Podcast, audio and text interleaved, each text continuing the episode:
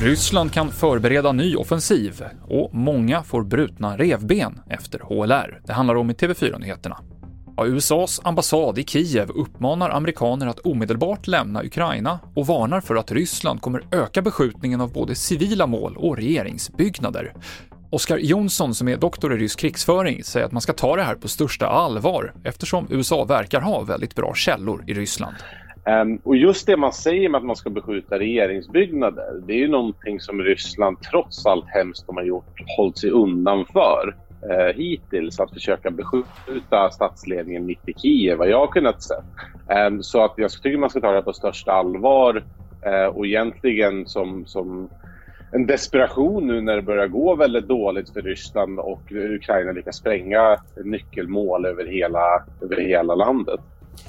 Vad skulle då syftet kunna vara från rysk sida?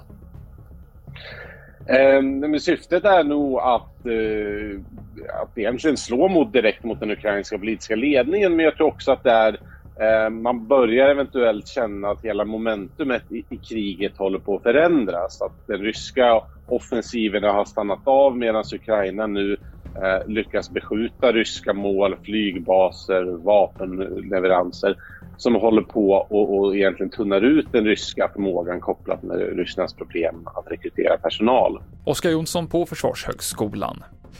Nästan fyra av fem personer som fått hjärt och lungräddning får skador i bröstkorgen. Det visar en studie gjord på patienter som efter hjärtstopp kommit till Salgrenska i Göteborg. Vanligast var revbensfraktur, skriver Läkartidningen. Och på grund av risken för skador kan de som fått hjärt och lungräddning behöva röntgas och opereras i större utsträckning än vad som görs idag och de två högsta cheferna på Ungerns motsvarighet till SMHI har fått sparken efter att ett stort nationellt firande med fyrverkerier i huvudstaden Budapest sköts upp på grund av en prognos med risk för kraftigt åskoväder.